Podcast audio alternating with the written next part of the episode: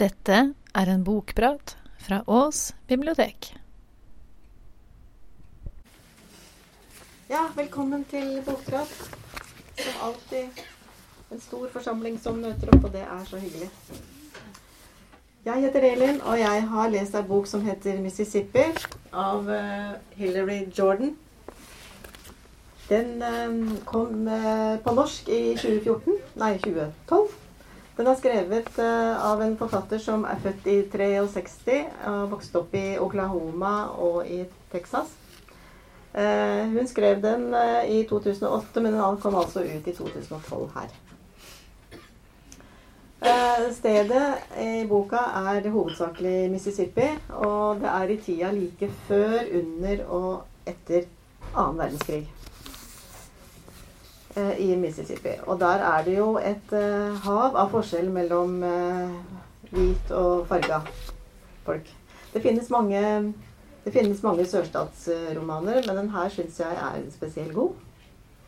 Eh, Og hvis jeg sier neger eller svart, eh, så mener jeg ikke noe gærent med det, men det er bare det at det er nesten uunngåelig når du leser en sånn eh, sørstatsroman. Ja. Eh, ja, og det spesielle med denne boka er at eh, de mest sentrale figurene de har alle sammen hver sine kapitler hvor de forteller, eh, hvor de forteller. Og det gjør jo at vi får alle hendelser eh, belyst fra forskjellige vinkler. For sånn er det jo i livet at vi, vi opplever jo ting forskjellig ettersom hva slags bakgrunn og erfaring vi har. Så jeg syns det gjør det veldig interessant. Den mest sentrale personen i boka er nok Laura, som er fra eh, Memphis i Tennessee.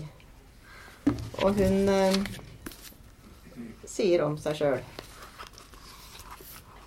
jeg var en jomfru på 31 år da jeg traff Henry McAllen våren 1939. En gammel jomfru på god vei til å gå i frø. Min verden var liten, og alt i den var velkjent. Jeg bodde sammen med foreldrene mine i huset der jeg ble født. Jeg sov i det rommet jeg tidligere hadde delt med søstrene mine, men som nå var bare mitt. Jeg underviste i engelsk på en privatskole for gutter, sang i Calvary Episkopale kirkekor, satt barnevakt for nies niesene og nevøene mine. Hver mandag kveld spilte jeg bridge med de gifte vennene mine. Og så møter hun altså Henry, som er en kamerat av storebroren. Og eh, sånn beskriver hun Henry. Henry hadde all den selvtilliten jeg manglet. Han var overbevist om en forbløffende mange ting, mengde ting. Packards er de beste amerik amerikanske produserte bilene. Kjøtt bør ikke spises lettstekt. Irving Berlins 'God Bless America' burde ha vært nasjonalsang i stedet for 'The Star Sprangled Banner', som er for vanskelig å synge. Yankees kommer til å vinne World Series. Det kommer til å bli en storkrig til i Europa, og det ville være klokt av De forente stater å holde seg utenfor den. Blått er din farge, Laura. Jeg kledde meg i blått. I løpet av de neste månedene rullet jeg gradvis opp hele livet mitt for ham. Og det å ha en kavaler, det endrer livet for, eh, for Laura. For nå, nå nyter hun plutselig mye større respekt. Og hun har blitt en mer interessant person nå, syns alle. Og de eh, dater, som det nå heter, eh, en god stund. Eh, men så må Henry ha en pause. Inntil han da endelig frir til henne.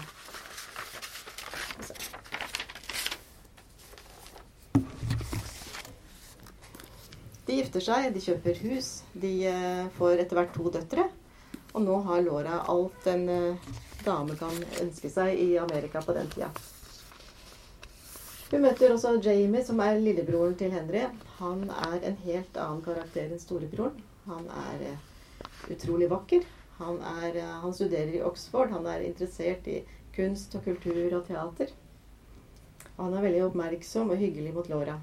Og han får henne liksom til å blomstre og, på en helt eh, egen måte. Og da de alle tre er på danserestaurant, så er det nesten så alle damene dåner når de får eh, danse med Jamie. Men bak eh, det vakre utseendet så er han nok ikke så veldig tøff. Eh, og faren, Pappi, som han blir kalt, og som for øvrig er en ufyselig fyr, han synes at eh, Jamie er en svekling. Og Jamie har alltid sett opp til Henry, som, eh, som var ute i første verdenskrig. Og Jamie drømmer om å bli flyver. Og han sier Jeg ville bli flyger som Lindberg. Jeg ville oppleve store eventyr og utføre dristige vågestykker og forsvare landet mitt. Det kom til å bli praktfullt. Og jeg ville bli en gud. 15 år seinere oppfylte hæren ønsket mitt. Og det ble det ikke. Og det ble jeg ikke. For når, eh, når eh, annen verdenskrig eh, starter, så blir han utkalt. Og han forteller De sier at man må hate for å være i infanteriet, men det stemte ikke når det gjaldt flyluftvåpenet. Vi så aldri ansiktene til fiendene våre. Når jeg i det hele tatt tenkte på dem, forestilte jeg meg tomme, hvite ovaler innrammet av en lys piggsveis. Aldri pannelugg eller krøller eller hestehaler. Selv om jeg visste at bombene våre falt på massevis av kvinner og barn også. Det hendte at vi bare valgte en stor by og bombet den rett til helvete. Andre ganger, når vi ikke kunne nå fram til hovedmålet, som regel en militær installasjon eller fabrikk, gikk vi etter et mulig mål i stedet. Vi kalte dem AWT for Auf Wiedersehen, Tyskersvin. Det var en uskreven regel at man aldri måtte ha med seg bomber hjem igjen, på den siste turen min hindret et tordenvær oss i å nå fram til ammunisjonsdepotet som vi egentlig var ute etter, så det endte med at vi dumpet hele lasten vår over en park full av flyktninger. Vi visste fra etterretningstjenesten Brifing at SS-soldater søkte dekning der mellom de sivile. Men uansett drepte vi tusenvis av uskyldige mennesker sammen med dem. Da vi kom tilbake til basen og rapporterte til befalshavende offiser, gratulerte han oss med en godt utført jobb. Jeg antar at jeg kunne ha snakket med Henry om krigen, men hver gang jeg forsøkte å bringe den på bane, endte det med at jeg slo en vits eller diktet opp en historie i stedet. Han ville ikke ha forstått hva jeg følte. Redselen, ja, men ikke skyldfølelsen. Og i hvert fall ikke den trangen jeg av og til hadde til å styre flyet mitt rett inn i et fiendtlig jagerfly og for forvandle oss begge til en liten sol.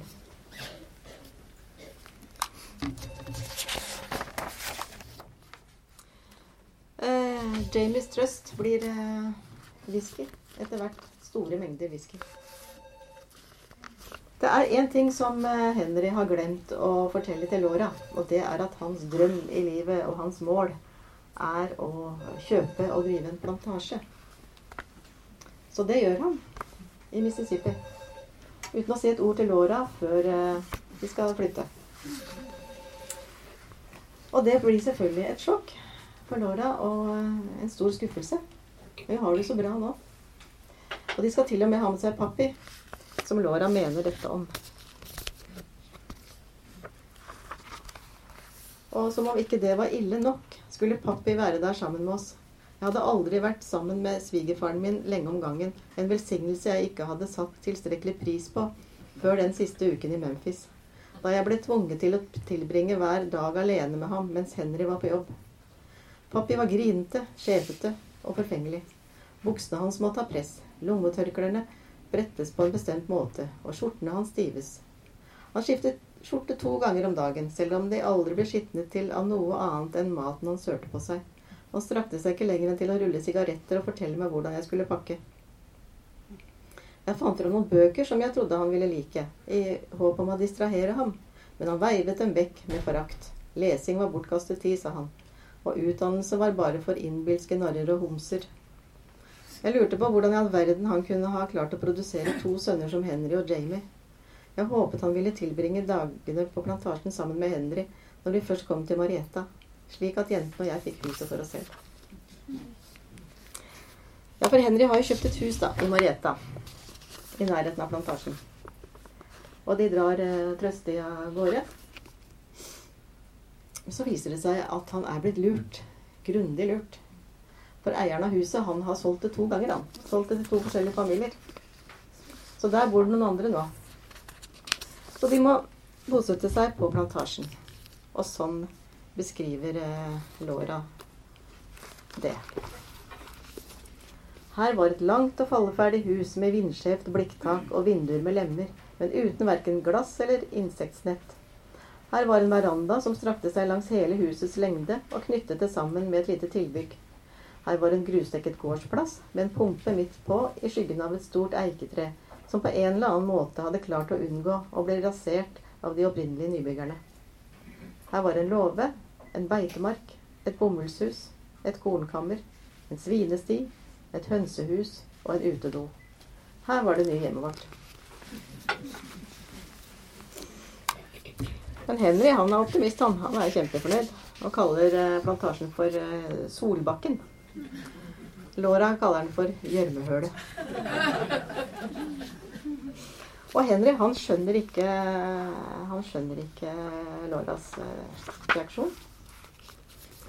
Hun var mot Han sier her hun var mot flyttingen fra det øyeblikket jeg fortalte henne om den. Hun sa det ikke rett ut, men det var ikke nødvendig heller. Jeg skjønte det på måten hun begynte å nynne på hver gang jeg kom inn i rommet. En kvinne klarer alltid å bekjentgjøre følelsene sine på en eller annen måte. Laura gjorde det ved hjelp av musikk. Hun synger når hun er tilfreds, nynner når hun ikke er det. Og plystrer toneløst når når hun tenker, seg, tenker over noe og bestemmer seg for om hun skal synge eller nynne. Musikken ble langt mindre behagelig med en gang vi kom til plantasjen. Hun slo med dører og smelte med gryter, og hevet stemmen overfor både Pappi og meg. Trosset meg. Det var som om noen hadde kommet om natten og stjålet min elskverdige, føyelige kone, og etterlatt seg en furie i stedet. Alt jeg gjorde eller sa, var galt. Jeg visste at hun bebreidet meg for at vi hadde mistet huset inne i byen. Men var det min feil at jentene ble så syke? Og uværet? Jeg går ut fra at det også var mitt verk. Og etter en uh, liten stund på, på, denne plantasjen, da, så, så syns jeg Laura beskriver, uh, beskriver situasjonen ganske fint. Selv med Florences hjelp følte jeg meg ofte overveldet av arbeidet og heten, myggen og søla, og mest av alt av brutaliteten ved livet på landet. Som byfolk flest hadde jeg hatt en latterlig idylliserende oppfatning av landsbygda. Jeg hadde forestilt meg regn som falt bløtt over grønnkledde marker. Barbente gutter som fisket med tistler dinglende fra munnen. Kvinner som kiltet i koselige små tømmerhus, mens mennene deres røkte maispiper på verandaen. Du må stå nærmere bildet for å se de elendige små hyttene som ligger spredt rundt på markene. Der familier går kledd i fillete klær, laget av melsekker og sover ti på hvert rom, rett på jordgulvet. Utslettene etter hakeorm på guttenes føtter og de motbydelige pelagraskjellene på hendene og armene deres. Blåmerkene i kvinnenes ansikter og raseriet og håpløsheten i mennenes øyne. Vold er uløselig knyttet til livet på landet. Man blir ustanselig bombardert med døde ting. Døde mus, døde kaniner, døde pungrotter, døde fugler. Du finner dem på tunet, fulle av mark, og det lukter av at det ligger og råtner under huset. Så er det alle dyrene man dreper for å få mat, høner, griser, hjort, baktler, ville kalkuner, malle, kaniner, frosker og ekorn. Som du ribber, flår, renser for innvoller og ben og steker i en gryte. Jeg lærte hvordan man lader og avfyrer et haglgevær, hvordan man syr sammen et blødende sår, hvordan man stikker hånden inn i livmoren på en stønnende purke for å hente fram en forkommen grisunge. Hendene mine utførte disse tingene, men jeg klarte aldri å venne meg til det. Livet virket farefullt som om alt kunne skje. Ja, det er en stor omgang. Bra. Eh, de hvite plantasjeeierne de er helt avhengige av eh, hjelp fra forpaktere, eller de, de, de fargede forpakterne, eller jeg ville kalle dem slaver, da. Det er jo, det er jo sånn de behandles ofte. Um, og Henry har, har, dette synet her på, på disse forpakterne. En neger er som et lite barn. Når han prøver å lyve, kan du lese det i ansiktet hans like tydelig som i en bok. Haps ansikt røpet ikke annet enn ærlig frustrasjon. Dessuten vet jeg at det er vanlig praksis for plantasjeeiere å snyte de fargede forpakterne sine. Selv syns jeg ikke noe, noe, om det. En farget mann kan være mye rart, men han er uansett vår bror. En yngre bror, ganske visst udisiplinert og drevet av sine lyster, men også vennlige og enfoldige og ydmyke for Gud. Han er blitt overgitt i vår varetekt, på godt og vondt, hvis vi behandler ham dårlig eller ikke tar oss av ham i det hele tatt. Hvis vi bruker vår naturlige overlegenhet til å skade ham, da er vi fordømte, like sikkert som Kain. Det er en ganske nedlatende holdning. Ja. Um, ja, Henry og Loras forpakter heter altså Happ. Og han jobber på gården, og han jobber ute på markene. Og kona hans, Florence, uh, er hushjelp og alt mulig annet som Lora trenger henne til. Uh, Florence er stor og sterk og stolt, og sterk i både sin tro og sin overtro. Og de har sjøl en uh, flokk med unger. Um, men hun kommer alltid når det trengs. Men hun er også jordmor for hele området. Og hun kan takle de, de, fleste situasjoner. Men hun har problemer med pappi, som, som er en forferdelig rasist. Hun forteller. Den virkelige djevelen var gamlingen. Da Mrs. McAllen ba meg om å stelle huset for henne, slik jeg hadde gjort for Mrs. Connolly, var det så vidt at jeg ikke sa nei, bare på grunn av pappi. Men Lilly May trengte en spesiell type støvler på grunn av klumpfoten, og Rule og Marlon trengte nye klær. De vokste så fort at de holdt på å sprenge sømmene i det gamle, og Happ ønsket seg et muldyr til, så han kunne dyrke flere mål og tjene nok til å kjøpe sin egen jord. Så jeg sa at jeg skulle gjøre det. Jeg, jeg jobba for Laura McAllen fra mandag til fredag, hvis jeg ikke hadde en fødsel eller en mamma jeg måtte se til.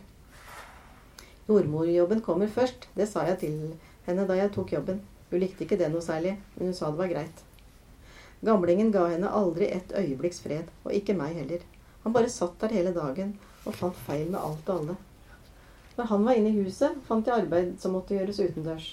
Og når han satt ute på verandaen, jobba jeg inne i huset. Men noen ganger måtte jeg jo være i samme rommet som han. Det var ikke til å unngå. Eksempel en gang jeg hadde noe stryking å gjøre.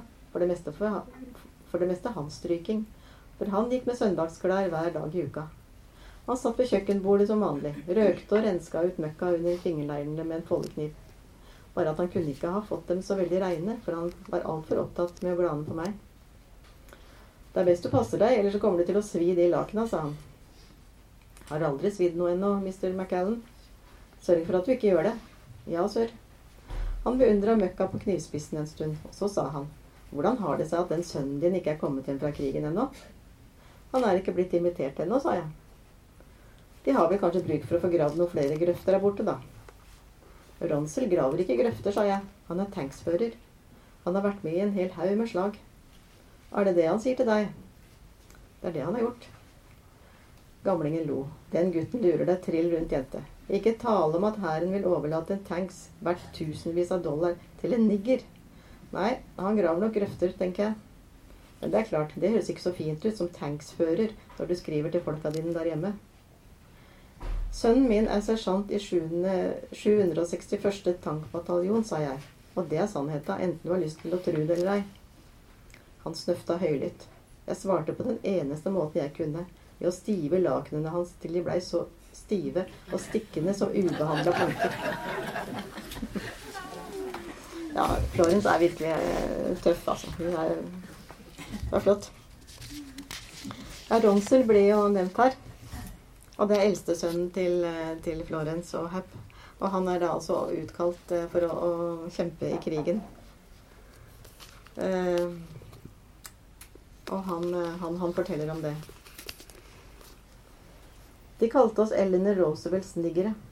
De sa at vi ikke kom til å slåss, at vi kom til å stikke halen mellom beina og løpe i samme øyeblikk som vi havna i et virkelig slag. De sa at vi ikke hadde disiplin nok til å bli gode soldater.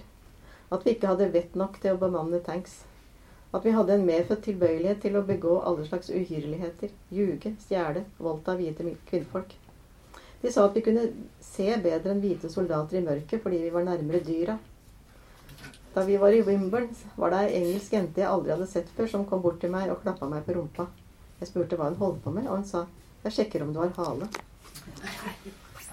Åssen i all verden kunne du komme på det, spurte jeg. Hun sa at de hvite soldatene hadde fortalt alle de engelske jentene at negere var mer aper enn mennesker. Vi sov i egne brakker, spiste i egne kantiner, dreit på egne latriner. Vi hadde til og med vår egen blodforsyning. Himmelen forby at noen sårede hvite karer skulle ende opp med negerblod i årene. De ga oss båndsop av alt, offiserene også. Løytnantene våre var for det meste sørstatsmenn som hadde tabba seg ut et annet sted. Drukkenbolter, feiginger, trangsynt, udugelig, hvit pakk som ikke kunne ha ledet veien ut av et ettroms skur i klart dagslys. Når hæren skulle straffe dem, ga de dem kommandoen over fargede tropper. De hadde ikke annet enn forakt til overs for oss, og de sørga for at vi blei klar over det. I offiserklubben sang de We're dreaming of a white battalion på melodien til White Christmas. Vi hørte om det fra den fargede tjenerstaben som måtte varte opp den bedrøvelig hvite gjengen mens de sang. Hvis alle hadde vært slik, hadde jeg antagelig havna som gjødsel på jordet til en eller annen bonde i Frankrike eller Belgia, sammen med alle de andre karene i avdelingen. Heldigvis for oss hadde vi noen få gode hvite offiserer. De som kom fra West Point, var stort sett greie og reale. Troppssjefen vår behandla oss alltid med respekt. Det påstås at dere ikke er like reine som andre mennesker, sa han til oss. Det er en enkel løsning på det. Sørg for at dere er renere enn alle andre dere har støtt på her i livet. Spesielt alle de hvite drittsekkene der ute. Pass på uniformene deres. At, at uniformene deres tar seg bedre ut enn deres. Få støvlene deres til å skinne enda mer. Og det var akkurat det vi gjorde. Vi tok sikte på at 761. Eh, på å gjøre 761. til den beste tanksbataljonen i hele hæren. Og etter to år med hard trening i, eh, i, eh, i USA, så blir de sendt til Europa for å slåss. Og da blir de veldig overraska over at der blir de faktisk tatt som vanlige mennesker. Det er nytt for dem. Og det føler Ransel veldig stor takknemlighet for. Og troppen hans blir sett på som en av de beste troppene av de amerikanske. Og de er ute i et forferdelig hardt vær. Men det forteller han jo ikke i brevene hjem, da. Jeg fortalte ikke om noe av dette når jeg skrev hjem. Selv om sensorene hadde sluppet det igjennom, ville jeg ikke at mamma og pappa skulle bli engstelig. I stedet fortalte jeg hvordan snø kjentes, og hvor hyggelig lokalbefolkningen var mot oss, uten å nevne altfor mange detaljer om de franske jentene. Jeg fortalte om den rare maten de hadde der, og om den glinsende kjolen Lena Horn hadde på seg da hun kom og sang for oss i United Service Organizations. Pappa skrev tilbake med nytt hjemmefra. Myggen var fæl i år. Rule og Marlon hadde vokst hele fem centimeter. Lily May sang solo i kjerka. Muldyret hadde kommet seg inn i kjøkkenhagen igjen. Det kjentes som om Mississippi var langt, langt borte. Ja, ute på plantasjen, der går livet sin gang med ymse utfordringer. Jamie har kommet tilbake fra krigen for å, hjelpe til på plantasjen. Men han sliter med traumer og drikker mye og ønsker seg langt vekk. Og gårdsarbeid er ikke noe for han. Og Herp, forpakteren til Laura og Henry, han eh, mister nesten føleligheten etter et uhell med beinet. Og den hvite legen, han gidder jo ikke å behandle ham på skikkelig vis. Så det ser veldig vanskelig ut ei lang stund. Så det blir mye ekstra for Florence. Men så kommer endelig Ronsel hjem fra, fra, krigen, han også. Og en dag skjer dette mens Laura, mens Laura er i butikken. Så dette var sønnen til Florence.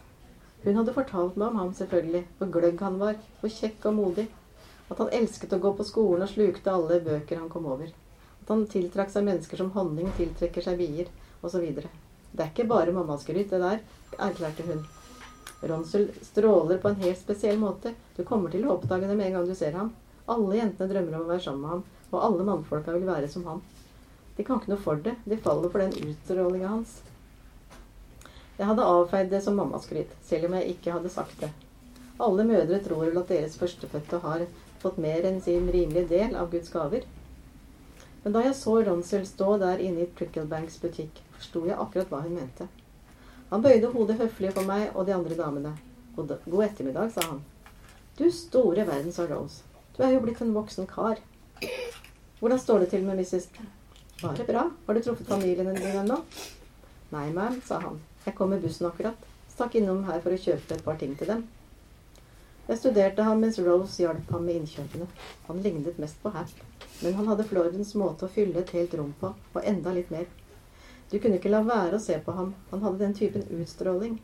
Han kikket nysgjerrig bort på meg, og jeg skjønte at han hadde tatt, tatt meg i å stirre på ham. Jeg er Mrs. McAllen, sa jeg litt brydd. Foreldrene dine arbeider på plantasjen vår. God dag, sa han. Øynene hans eh, møtte mine bare et kort øyeblikk. Men jeg hadde en fornemmelse av at jeg var blitt grundig vurdert i løpet av de få sekundene. Men så kommer altså mennene, de hvite mennene inn i butikken. Rett før han nådde døra, ble den åpnet, og Pappi kom inn sammen med Ori Stokes og dr. Turpin. Ronsel bråstoppet og unngikk så vidt å kollidere med dem. Unnskyld, sa han. Han forsøkte å gå rundt dem, men Ori stilte seg i veien for ham. Nei, har du sett på makan? En svarting i uniform. Ronsel ble stående helt urørlig, og blikket hans låste seg fast i Orris. Men så slo han blikket ned og sa, beklager, sør, jeg var uoppmerksom. Hvor har du tenkt deg hen, gutt? sa dr. Tørpin. Jeg bare prøver å komme meg hjem for å treffe familien min. Døren gikk opp, og Henrik kom inn sammen med noen flere menn. Det begynte å bli trangt om plassen bak Pappi, Morris og dr. Tørpin. Ansiktsuttrykkene deres var uvennlige. Jeg kjente et stikk av angst. Elskling, ropte jeg til Henry. Dette er Happ og Florences sønn Ronsel, som nettopp har kommet hjem fra Europa. Å ja, så der har vi forklaringen, sa pappi ironisk. Forklaringen på hva da? sa Ronsel. På hvorfor du prøver å gå ut gjennom hoveddøra. Du er kanskje litt forvirret med hensyn til hvor du befinner deg? Jeg er ikke forvirra, sør. Å jo, jeg tror nok det, gutt, sa pappi. Jeg vet ikke hva de lot deg få lov til over i Europa, men nå er du i Mississippi. Niggere bruker ikke hoveddøra her. Stikk nå ut bakdøra der du hører hjemme, sa Orris. Jeg tror det ville være klokt av deg, sa Henry. Stikk av gårde nå. Det ble stille. Luften formelig gnistret av fiendtlighet. Jeg så musklene, spennes og hender som knyttet seg. Men hvis Ronsel var redd, viste han det ikke. Han så seg langsomt rundt i butikken. Møtte blikkene til hver eneste mann og kvinne der, mitt også. Gå, ba jeg stumt. Han trakk, han trakk øyeblikket ut og ventet til like før bristepunktet før han sa noe. Veit du, sør, du har helt rett, sa han til pappi. Vi slapp å holde oss i bakgrunnen der. De plasserte oss helt framme i fronten. Rett der i frontlinja. Ansikt til ansikt med fienden. Og der ble vi hele tida mens vi var der. Tyskerne drepte noen av oss, men det endte med at vi slo dem sønder og sammen. Ja, sør, det gjorde vi. Og det noe grundig også. Ja, og om det å komme hjem Så tenker Ronsel. Hjemme igjen hjemme igjen. Nigergutt, niger, svarting, sotrør, apekatt. Dro ut for å slåss for landet mitt og kom tilbake og oppdaga at det ikke hadde forandra seg i det hele tatt. Svarte folk sitter fortsatt bakerst i bussen og kommer inn gjennom bakdøra. De plukker fortsatt bomull for hvite folk og ber hvite folk om unnskyldning.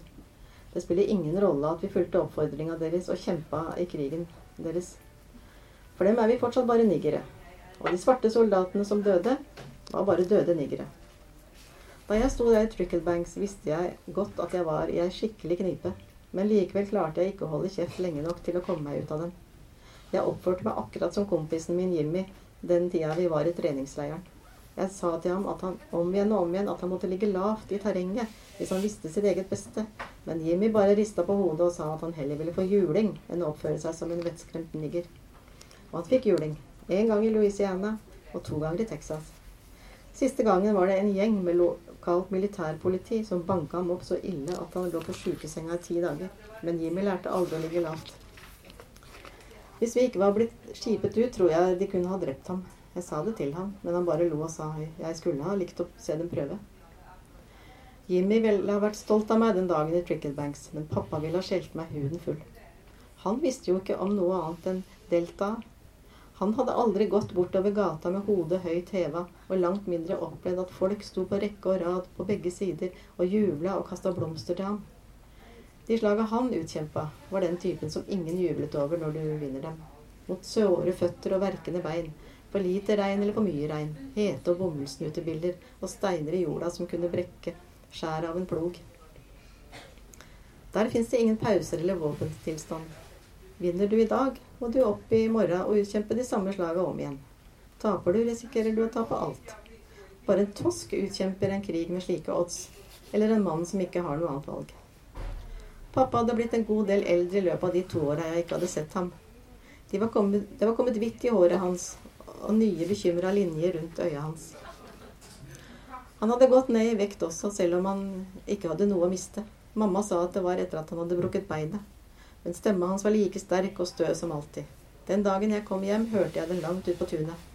Han takka Gud for den maten de skulle til å spise, og sola han hadde sendt i det siste for å få bomullen til å vokse, og for helsa til alle de tilstedeværende, inklusive de verpende hønene og den drektige purka, og for at han våka over meg, uansett hvor i skaperverket jeg måtte befinne meg, hvilket i dette øyeblikket altså var midt i døråpningen deres. Amen, sa jeg.